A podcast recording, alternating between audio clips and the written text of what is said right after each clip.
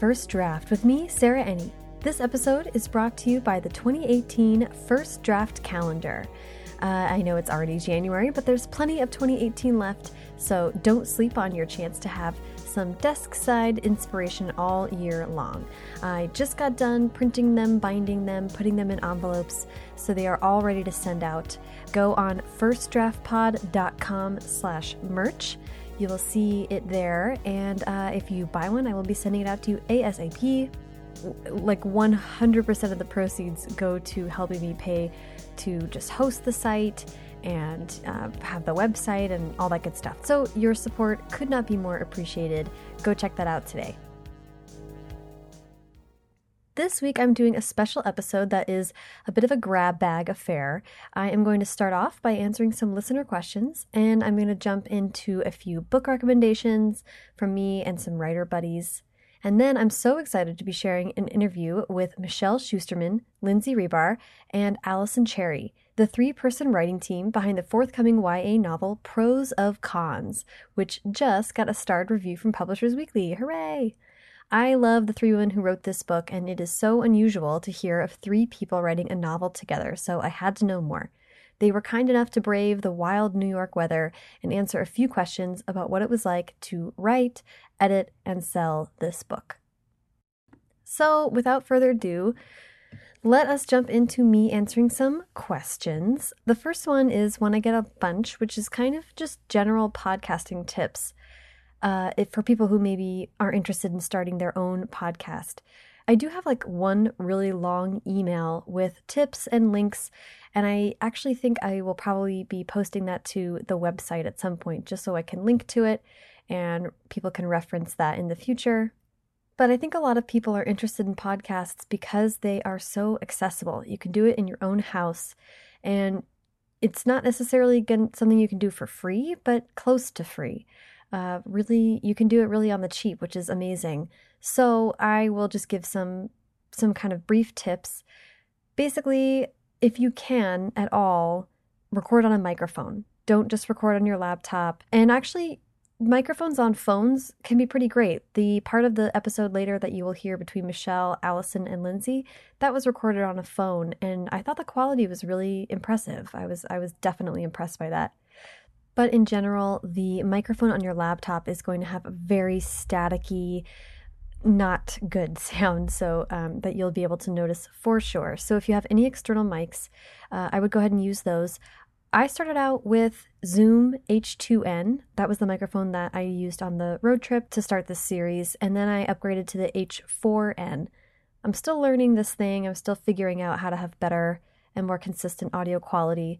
But those mics are not crazy expensive. They're a couple hundred bucks to 400 bucks, uh, but they make a huge difference. And they have long battery lives. I can take them anywhere.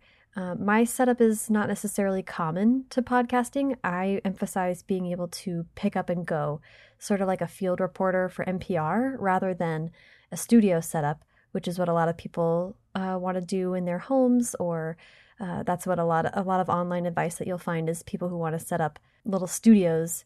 I am a studio unto myself. So the Zoom worked for me. It's very manageable. I put it in a camera bag and I get up and go. But you can also use Voice Memo on your phone. That's a free app that comes with iPhones. Um, and other things like that are, are pretty good too.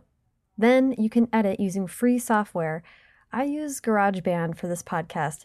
That is not technical. That is actually kind of embarrassing to admit because people who are truly in the audio field, sound engineers, uh, that's not what you use. It's but it's free software. It comes with every every Mac. So I decided to use that. At this point, I've learned it. It is what it is. I know how to do it. So that's what works for me. There's also a free software called Audible that you can download on online for free, and it's really powerful. And I use that actually to edit tracks that I then drag into GarageBand Listen, I don't recommend my workflow. I got a lot of repetition and stuff like that. It's not necessarily efficient, but it's what I know. so, anyway, you can use Audible as your beginning and end to edit sound, and it's free and powerful, so I recommend that. As far as once you have it edited and ready to go, I host the podcast on a service called Libsyn, L I B S Y N. But there's lots of other options now, like Art19, and you can actually host your podcast through Squarespace if you use that company to build your website. Uh, they can actually host your podcast as well, which is really neat. Uh, Squarespace is not paying me, so I'm not going to give them too much airspace, but I did just rebuild my website on Squarespace and it actually was pretty great. And I did not know that they offered hosting like that, so kind of neat. As far as actually what kind of podcast to do or recommendations on like building a podcast, this kind of reminds me of back in the day uh, having blogs when everybody had a blog and people would ask about tips to build blogs that would gain a following. And there's a lot of similarities between that and what I have to say about podcasting, which is one, you have to have kind of a focused point, have a purpose for your show. My show is an interview show. With the rare exception of episodes like this one, it is me talking to one other person, usually, and we really get into it, and there's a consistency to every episode. Speaking of consistency, that is my next recommendation is you have to be consistent. If you can only get out one podcast every month, that's okay, but make sure the listener knows that that's the timeline you're working on and don't miss a month. If you are weekly like me, you have to put one out every week. I am disappointed with myself because I don't get the level of consistency that I want. I want it to be out first thing every Tuesday, that just isn't possible because of my schedule and uh, time constraints and things like that. But that's what I always strive for. That's the ideal. Consistent every single week. Listeners want it to be reliable. And that honestly is sometimes even more important than quality or audio quality, just the consistent nature of it. You get rewarded for consistent content far more than any other metric, is what I've learned. And the third thing that I have to say is that you, re- if you want to start a podcast, it should be about something and have a format that you love, that you enjoy. It needs to be about something you can talk about forever, or else you will hate it. It is a lot of work. It is consistent. It's a grind. It's tough. So it better be about something you enjoy. It better be something you can replicate over and over again and never get tired of, uh, or else it'll become something that you resent, and that is not worth it. So, so those are my tips about starting a podcast. And like I said, I will probably be posting a like a blog post type of thing on my website where I list some of the stuff with links to mic recommendations and things like that um, to make this easier. But yeah, those are my basic podcast tips.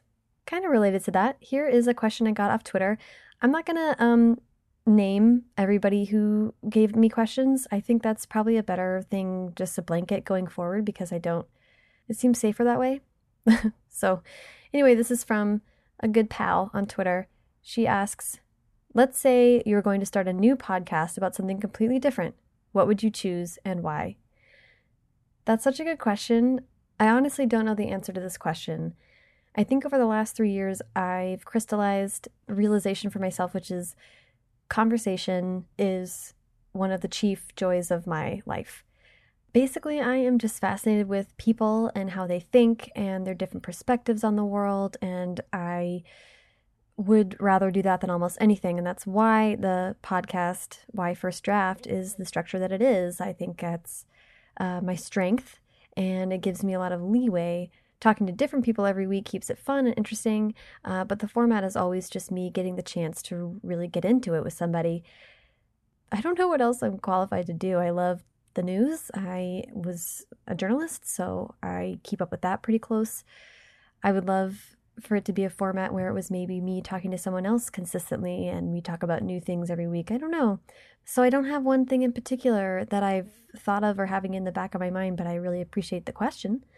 Um, and, you know, there might be the chance that in the future we have something to talk about with that. But also, right now, I just love listening to other people's podcasts so much.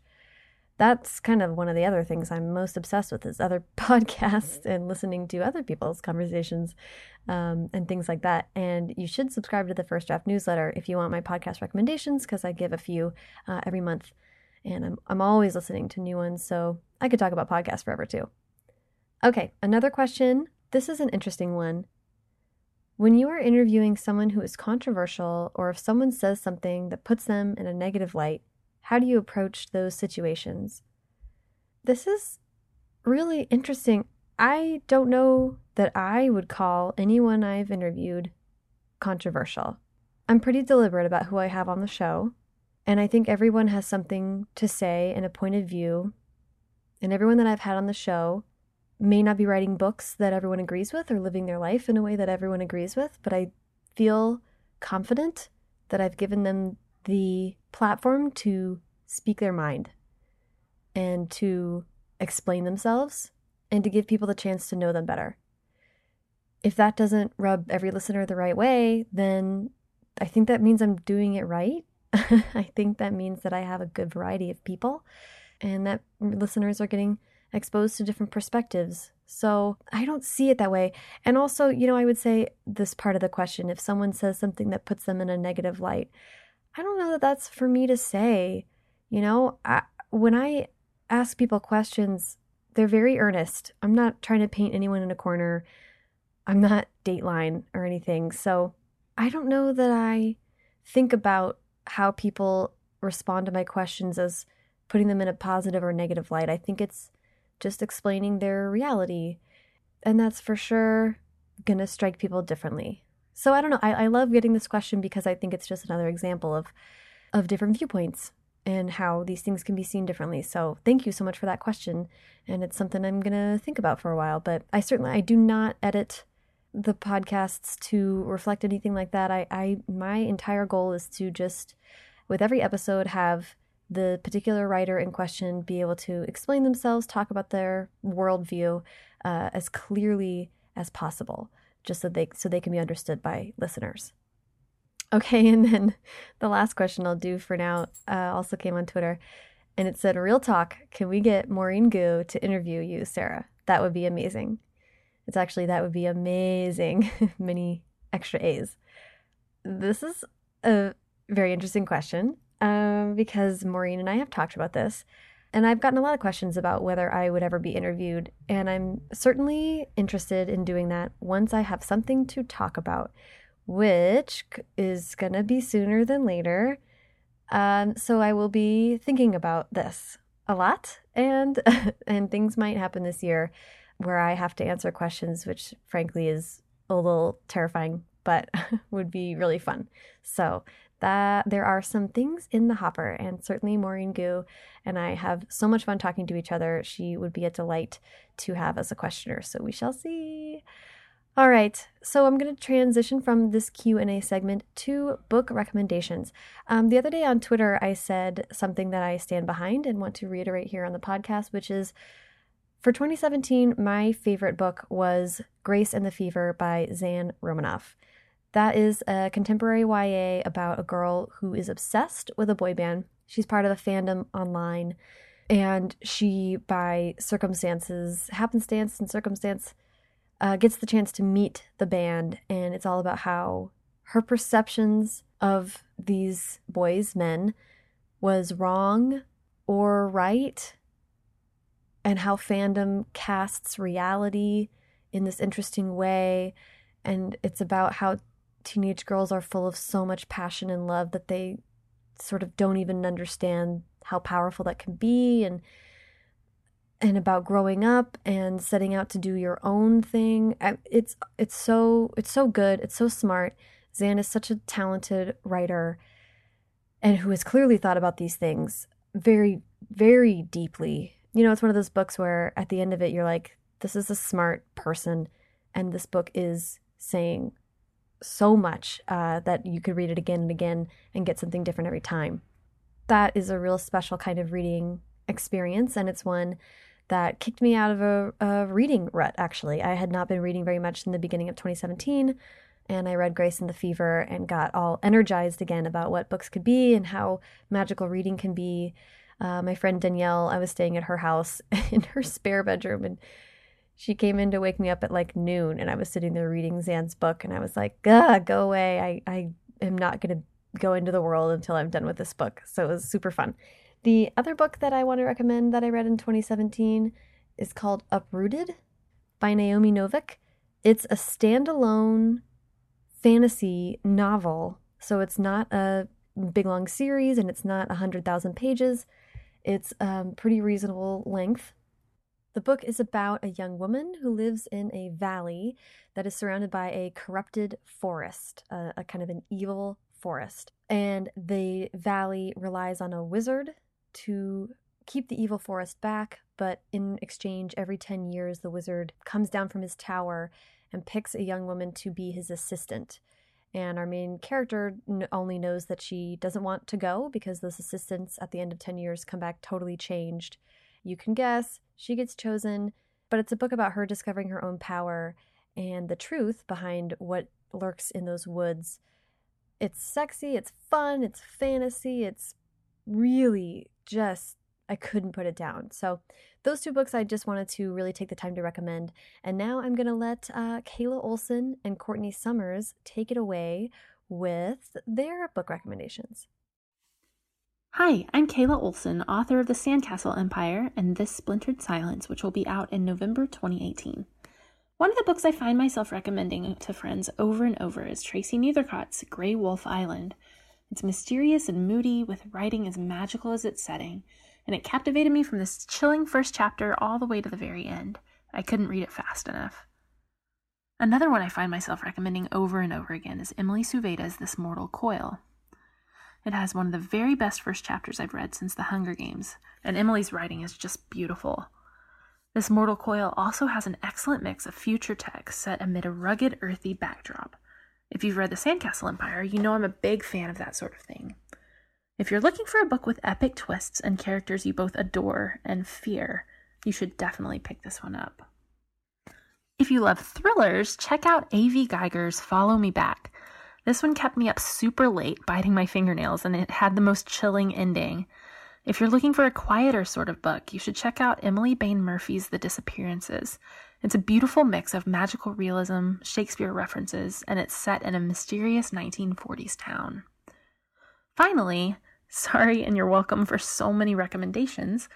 I recently picked up Francesca Zappia's Eliza and Her Monsters, and you guys, I absolutely could not set it down. It gave me so many feelings, and the voice felt so authentic. I'm already ready to read it again. I loved it so, so much. Hi, my name is Courtney Summers, and I am the author of Cracked Up to Be, All the Rage, and a few other novels for young adults. And Two books I found myself recommending often in 2017 that came out in 2017 were Malagash by Joey Comeau and When I Am Through With You by Stephanie Kuehn. Malagash is a devastating and beautiful novel about a girl who is recording everything her dying father says, and she's writing it into a computer virus that she's going to unleash on the world when he dies, so he'll always be alive in some form. And Joey has this wonderful way of capturing the bittersweet joy of living and it'll just break your heart and make you laugh at the same time. When I Am Through With You is this taut, gripping, thoughtful thriller about a boy named Ben who goes on a class camping trip that goes horribly wrong, and we get this look inside his head as he recalls everything that happened leading up to the death of one of his classmates. And Stephanie Kuehn's work reminds me so much of Robert Cormier in that it's uncompromising, it's unflinching, and it's unforgettable. I loved both these books. Don't miss out on them. Thank you, Kayla and Courtney. Check out the show notes to this episode for links to both of their first draft interviews. And now, here we go with the interview with Michelle Schusterman, Alison Cherry, and Lindsay Ribar about how they wrote their book together. All three of them wrote Pros of Cons together uh, which I could not be more excited to welcome into the world this March. So take it away, ladies. Hi, I'm Michelle Schusterman. And I'm Alison Cherry. And I'm Lindsay Ribar, and together we are the three authors of The Pros of Cons, which comes out on March 27th from Scholastic Books. Um, the Pros of Cons is about uh, three girls attending three separate conventions in the same convention center. Uh, do you guys want to talk about your characters? Yeah, so this is Alison. My character is Callie Buchanan, and she is attending the World Taxidermy Championships as her father's assistant because that is the only way that she can get her father to pay attention to her after her parents' divorce. And this is Michelle. My character is Phoebe Bird, and she is a drummer competing at the Indoor Percussion Association and Convention and she is making bad decisions with boys and friends and music and everything. and everything. That's not it's not an exaggeration Not actually. untrue. Um, this is Lindsay. My character is Vanessa Montoya O'Callahan, and she is attending We Treasure Fandom Con, otherwise known as uh, WTF Con, uh, so that she can meet her online girlfriend and fanfiction co writer for the first time in person. And it does not go at all the way she had hoped it would. so, Sarah, you asked us, how do we know each other? How do we know each other, guys? I forget. I don't know you people at all. Get out. so Lindsay and I know each other because we both had books that debuted in 2013, and we were both members of the Lucky 13s. Um, yeah, I joined the Lucky 13s and I did my like little intro post like, "Hey, here's here's who I am. Here's what my book is. Whatever, whatever. Is anybody else local?" And Alison was like, "Hey, we should be friends. Here's when I can meet. Uh, here's the plan." And I was like, "Great. That sounds awesome." I'm a little aggressive in my friendships sometimes. Yeah, it really works cuz I'm lazy. I don't remember how I met you guys. We met you at that picnic. Oh Where the yeah, I organized a picnic in Central Park. Wow, You that's organized like that? The one New Yorky thing I've ever done in my six years of living here. That's right. We met at a picnic. How romantic. yeah, it was like it was like the 13 debuts and the 14 debuts Mhm. were just kind of getting together Yes, to that's exactly what talk it was. about the publishing industry and how it's really great. that's that's not what we were talking about. and we ate a lot of hummus, and then it rained on us. yes. right, and nobody wanted to eat my guacamole, so I just brought it home and ate the rest of it, and that was my dinner, and I felt really terrible afterwards. I remember more about this picnic than I thought. But then we were friends, so it was good. Yes. All ended well. Yes. how did we come to decide to write a book together, and how did we know that we would work well together? So Lindsay and I went to LeakyCon in okay, we went to LeakyCon together in 2014, and when we were there in the Orlando Convention Center, there were three other cons going on at the same time. There was a church con, there was a chess con, and there was Miss America. and I stood there in the lobby and looked around and said, "Well, this is a book." And I was like, you can't keep it for yourself. I want to write it with you. Can I write it with you? And then, like, probably within about 10 minutes, we were like, and Michelle. you know what this needs, Michelle. yeah. Oh. Which is, I don't know. Alison and I say that about a lot of things. What doesn't need Michelle, really? you guys, I'm gonna cry. No, don't cry. also, who are you? Get out. Wait, what was the rest of the question? um, how did we know that we would work well together? Beta readers. Yeah, we shortly after we met, um, Alison and I. This is Lindsay again. We exchanged just doc files of our first books, and we were like, "Oh man, our books are, like basically are friends. Like our, our our writing styles are really compatible, and like we we both think that our each other's senses of humors are really good and whatever. Um, and the hey, will you be my beta reader? Forever and ever amen conversation happened very fast and we've been reading for each other ever since and then i don't remember how we became beta readers for each other michelle I beta read Alison's first middle grade.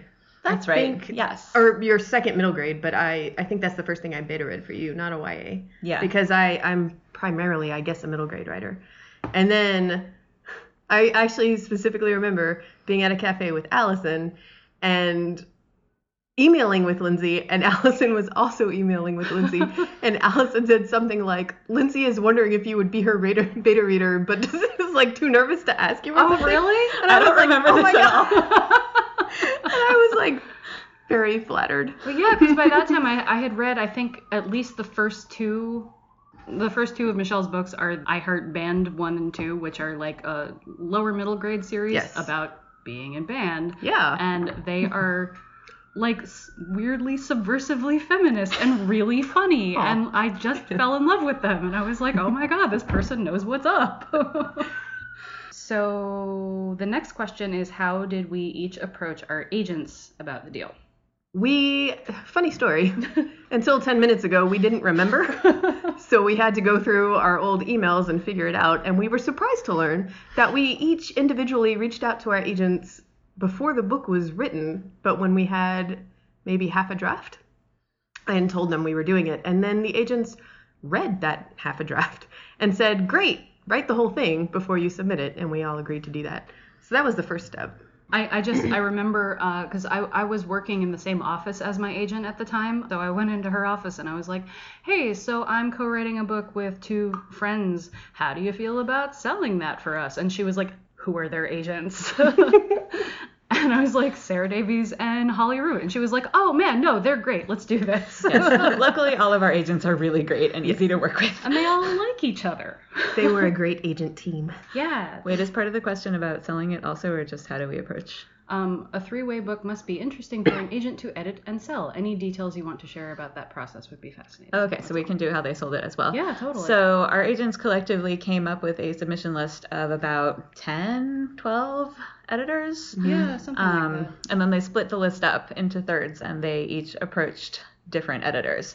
So when the time came and we got bids because it sold at auction, um, the agents who had corresponded with those specific editors are the ones who took point. And we had we had four-way conference calls with uh, the editors who offered, and we ended up going with Scholastic because our our editor is Matt Ringler, and he is just one of the best dudes in the world. He gets this book. He gets this book in such specific ways that like by the end of the phone call we were all like, yeah, yep, definitely. This is our this is our pick. And it's so interesting that we ended up with the one guy on our list when it's a book about lady friendship. Literally the But- only man. Yeah, he editor. was the only man, wasn't Yeah. he? Yes, he was. Yeah, but he's like he's one of those dudes in publishing who's like, I'm going to use my position to uplift voices that need to be uplifted, which is always a really good thing and something that's happening a lot in publishing right now. Yes, so. it is.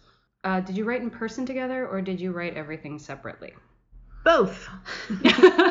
Alice and I have had a weekly writing date at the cafe that makes the best waffles in Brooklyn every week for like four years. Yeah, probably about four years I now. mean, we've missed some weeks, but yeah. day job. This is Lindsay again. I have a day job that that isn't writing, uh, so I can't always. I can't usually go to those, but once in a while I'll be like, ah, ah, I'm sick. I need to go to this cafe in Brooklyn and have some waffles instead of coming into work. God, I hope my bosses aren't listening. Mostly we did not write together in person. Mostly we would get together and discuss like the next three chapter chunk of the book Yeah. um, and make sure that we were all headed in the same direction.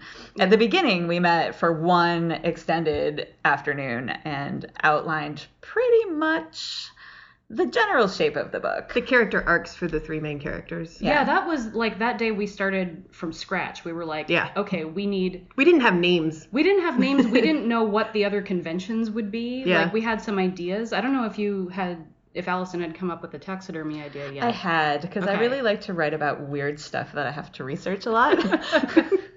Lindsay and I, and I did no research. Alison did all. yeah, I was like. I wonder what it's like being a fan fiction writer and in an online space meeting people from the online spaces in real life for the first time. I don't know what that's like. this this made the writing process really interesting some of the time because Lindsay and Michelle knew exactly what was happening and I would be like, "Okay, I have to read an entire book before I can write my next chapter because I don't know how to taxidermy a turkey and I have to figure it out." So that is a very specific scene that Alison is referring to. Um, there is a big uh, turkey taxidermy chapter, I won't- like halfway through the book. yeah, about halfway through. And so we actually wrote this book in two two sections time wise because I think overall it probably took us about four or five months to draft it completely, but there was like an eight month gap in there.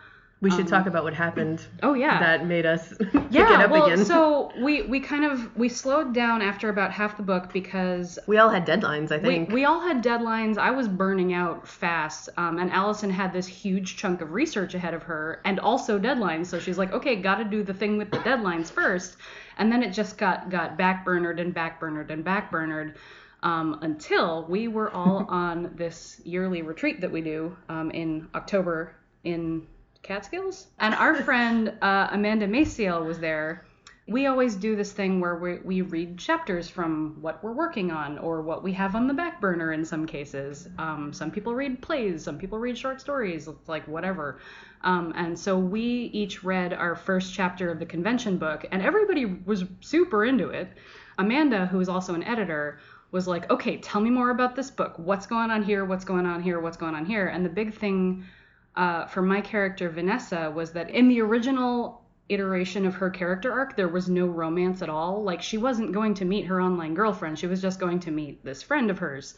Uh, and wow, if she's already online girlfriend, then the stakes are so much higher. It turns out. Yep. And sometimes I need a third party to tell me stuff like that. Yes. Um, and did Phoebe have romance at that point? No, she like didn't did. because I specifically did not want to write the kissing scene. I was so against it, but Amanda was like, "Look, you're writing a book about three teenagers in a hotel. Hookups need to happen." And I was like, "Fine." And I bitched so much leading up to writing that chapter and I intended it for to just be like the fastest kiss ever and it turned out to be like half a scene of everything going wrong in this hotel room and it, it was just a probably- drumstick ends up where a drumstick should never end up. It's a triangle beater. it's Lindsay. a triangle See, beater. I don't remember anything about this book. Let's just say that that scene is why uh, Publishers Weekly used the word slapstick in our review. yes. That's it. Very much so. In our starred review, do I mention that? Our starred review. We just got this the we just got found this starred review like a couple days ago, so we were all pretty excited about that still. Um, back to the question for What a second. There was one part of the book that we did write all together in the same room because there is a part of the book where our characters interview a lot of other characters. So we decided which which people each of our characters were going to interview, and then we sat there all in the same Google Doc document and just typed it out, improvising, and it was very fun. yeah, like there were there were some interview sections that like one of us would write solo and the the other two of us would be like, "Yep, yep, yep," as we watched the words appear on our own computer screens. And like I think there were a couple where we we took point on different characters and one person would ask questions and one person would answer. Mm-hmm. yeah, that I kind think of mostly thing. it was back and forth. Yeah. There's something very humbling about writing a first draft of something with two people literally watching every single word you It was terrifying. It really was. Yeah, it was terrifying for like 10 minutes, and then for the rest day of the day, it was like the best day It was ever. Kind super of. fun. It was terrifying for me the whole time, but also Aw. fun. Oh, Alison. um, our next question is How did you discuss notes and feedback, and how did you approach edits? Um, so we have been beta reading for each other, as we said, for years already. So we at, we would meet and outline the next like six-ish chapters in the book, and we would all come away from this meeting with assignments. Here is the next chapter that I'm writing, but it is two out of the next three chapter chunks or whatever. So we would paste them into the Google Doc as we went um, and alert the other two that it was up, and then notes would come almost immediately. It was like mostly, oh my god, this line is so great, and oh shit, I didn't see that coming, and stuff like that. Like, like Cheerleader stuff. yeah, cheerleader stuff, which is so important when you're drafting.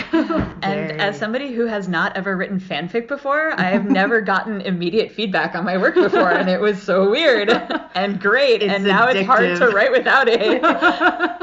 Whereas, like, the only reason I decided to write books in the first place is because, like, I, I come from the world of Harry Potter fanfic. You finish a story, you post it, and people started commenting within like five minutes. It's it's pretty great. It's an adrenaline rush. yeah, it got me through college.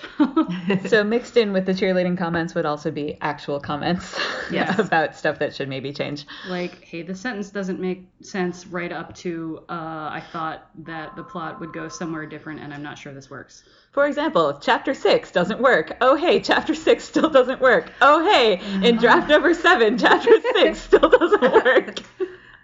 chapter six is not my friend. the, that's what happened when we were drafting and then we when we finished the draft that's when we each went back and read like the whole thing and we're like okay let's let's look at this as a whole unit instead of as a series of individual individual chapters mm-hmm. and then we did one round of edits just among the three of us and then we sent it to beta readers yes, including the host of this fine podcast. Thank you, Sarah. Thank you, Sarah. So yeah, we we each uh, pulled in at least one beta reader that we had worked on our individual books before. It was a really good combination of people, I think. Yes. Yeah, we got a very diverse selection of notes. Yeah, some of which contradicted each other, some of which did not. yeah, I think our, our agents didn't really edit us much, did they? We, We, we did one small round with them. Yeah. It was small because that beta round was pretty extensive, if I recall. Yeah. Yeah. we have very good beta readers. Very. It turns out. um, and yeah, we did another round with our actual editor because obviously he's an editor. That's what he does. um, and yeah, and copy edits, page proofs, and Yeah, and we now just- we're done. It's great. Yes. Once we got to that point, it was just we each took care of our own characters, chapters yeah. for the most part. I feel like there were a couple of things that we had to discuss amongst ourselves, Yeah. like stuff that affected other characters, even though it was in our chapters or whatever. But like yeah. for the most part, we got to do that on a pretty individual basis. Yep. So that was cool. what advice would you give to authors looking to co-write books? So I have co-written another book besides this. It is called Best Night Ever, and it is a middle grade book. Um, and that book I wrote with six other collaborators, some of whom I had not ever met, and one of whom I have still not met. um, and it was a really challenging process because there were so many of us, and also because they were people that I wasn't used to giving notes to and receiving notes from. So I would say it is a lot easier to collaborate on a book with people who you know very well and who you are not going to get offended by getting extensive notes from and who you don't feel afraid to give extensive notes to. Well put. Yeah. And Michelle, you've co-written other things too. I have, and yeah, Secrets of Topsea I've co-authored with Kirsten Hubbard, and I think I would agree with what Alison said, and find people that no two writers are alike. Everybody has different voices, but find someone with whom you share something, at least one very specific thing in common that the story is kind of built around. Like I think Lindsay and, and Alison and I share a similar sense of humor and that worked for pros of cons and kirsten and i share a same sense of weirdness and that's what our book is based around and that's why the voices work together even as they're different Yeah, I, I remember thinking as we were going into this that each of us was kind of stepping outside our comfort zone in, a, in Mhm. at least one way. first ya First, Michelle's first YA. This was my first non sci-fi fantasy Yeah. book. Like it's about fandom, but it's a contemporary realistic book, which I have never even tried to write before. Um, usually my, my stuff has like weird magic in it. Um, And uh, I'd never shown my work to somebody before it was done. yeah. and you'd never written about taxidermy I had turkeys I did not know anything about taxidermy, and now I know so much, you guys. I don't think you'd ever written in the past tense either. I had you? not written in the past tense, Yeah. and Wow. it was terrible, and I don't ever want to do it again. I, I literally had to write my chapters in present tense and then change them to past tense Oh, because this was like one of those points of discussion that you don't really think about to begin. Mm-hmm. Like when you're planning this kind of stuff, it's like, oh, what's the book? Who are the characters? Whatever. But like little stuff like that Yes. came up all the time. Like, what tense is our book in? Oh shit, we're gonna have a fight about this. We didn't have a fight about this. no, we did not have a fight about We it. just had a disagreement that Alison lost. it's really interesting though how like how people have a different tense that comes naturally to them. It's true. Which I hadn't ever really thought about before. um, the last question is: Any plans to write something together again in the future? never Get out! We don't know her anyway, it's fine. Hate you guys. yes, we would love to write together in the future. Um, yeah, we have a we have a couple ideas that we've been kicking around, but we also have other deadlines of books that have already sold, and we don't have another co-authored thing under contract yet. So this is gonna get backburnered until we we have time. but it's gonna happen. It's gonna happen. It'll I, I really like the idea that we have been primarily kicking around, even though it's going to be very complicated. it's gonna complicated be super challenging logistically. Yes. Yes, Yeah. it will. but it, it's it would be a fun one to do Yeah. So I I don't have anything coming out soon solo wise uh, because man, it's been really hard to write since the election, and I'm still trying to get back on that train. yeah But you guys have stuff coming out, and you should probably talk about it. Sure. This is Michelle. As I mentioned, I have a middle grade that I co authored with Kirsten Hubbard. Uh, it's called Secrets of Topsea. It's a series. The first book is called A Friendly Town That's Almost Always by the Ocean. and it comes out April 17th, tax day. Hooray! From Disney Hyperion. Oh, and I have a second middle grade standalone coming out sometime in July. I can't remember the date. And it's called Spell and Spindle. And it's I don't know, about evil puppets. And body swapping, and it's amazing, and I love it. It's really great. Thank you. Buy this book. Buy all the books. Um, this is Alison again. My next book is called Ella Unleashed, and it comes out on September 25th. And it's a middle grade about a girl who wants to be a dog show champion and is also trying to set up her dad with women on the internet. And if you think the pitch is funny, you should read the book. it's being pitched as Best in Show meets The Parent Trap. So good. Uh, love it. Yay. All right, I think we did all the questions. I think we did. Thank you, Sarah. Thanks, Sarah. You're the best.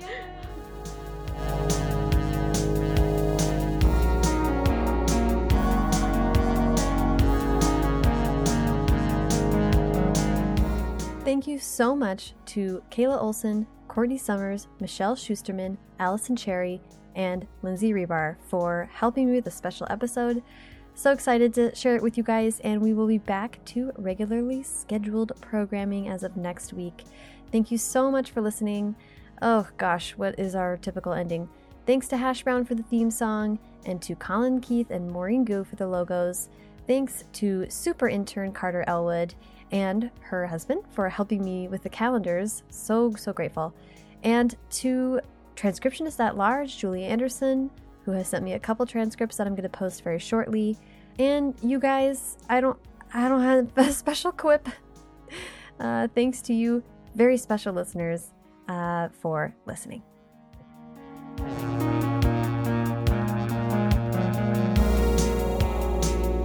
Hi, I'm Michelle Schusterman. And I'm Alison Cherry. And I'm Lindsay Ribar, and we are the three authors of The Pros of Cons, which comes out on March.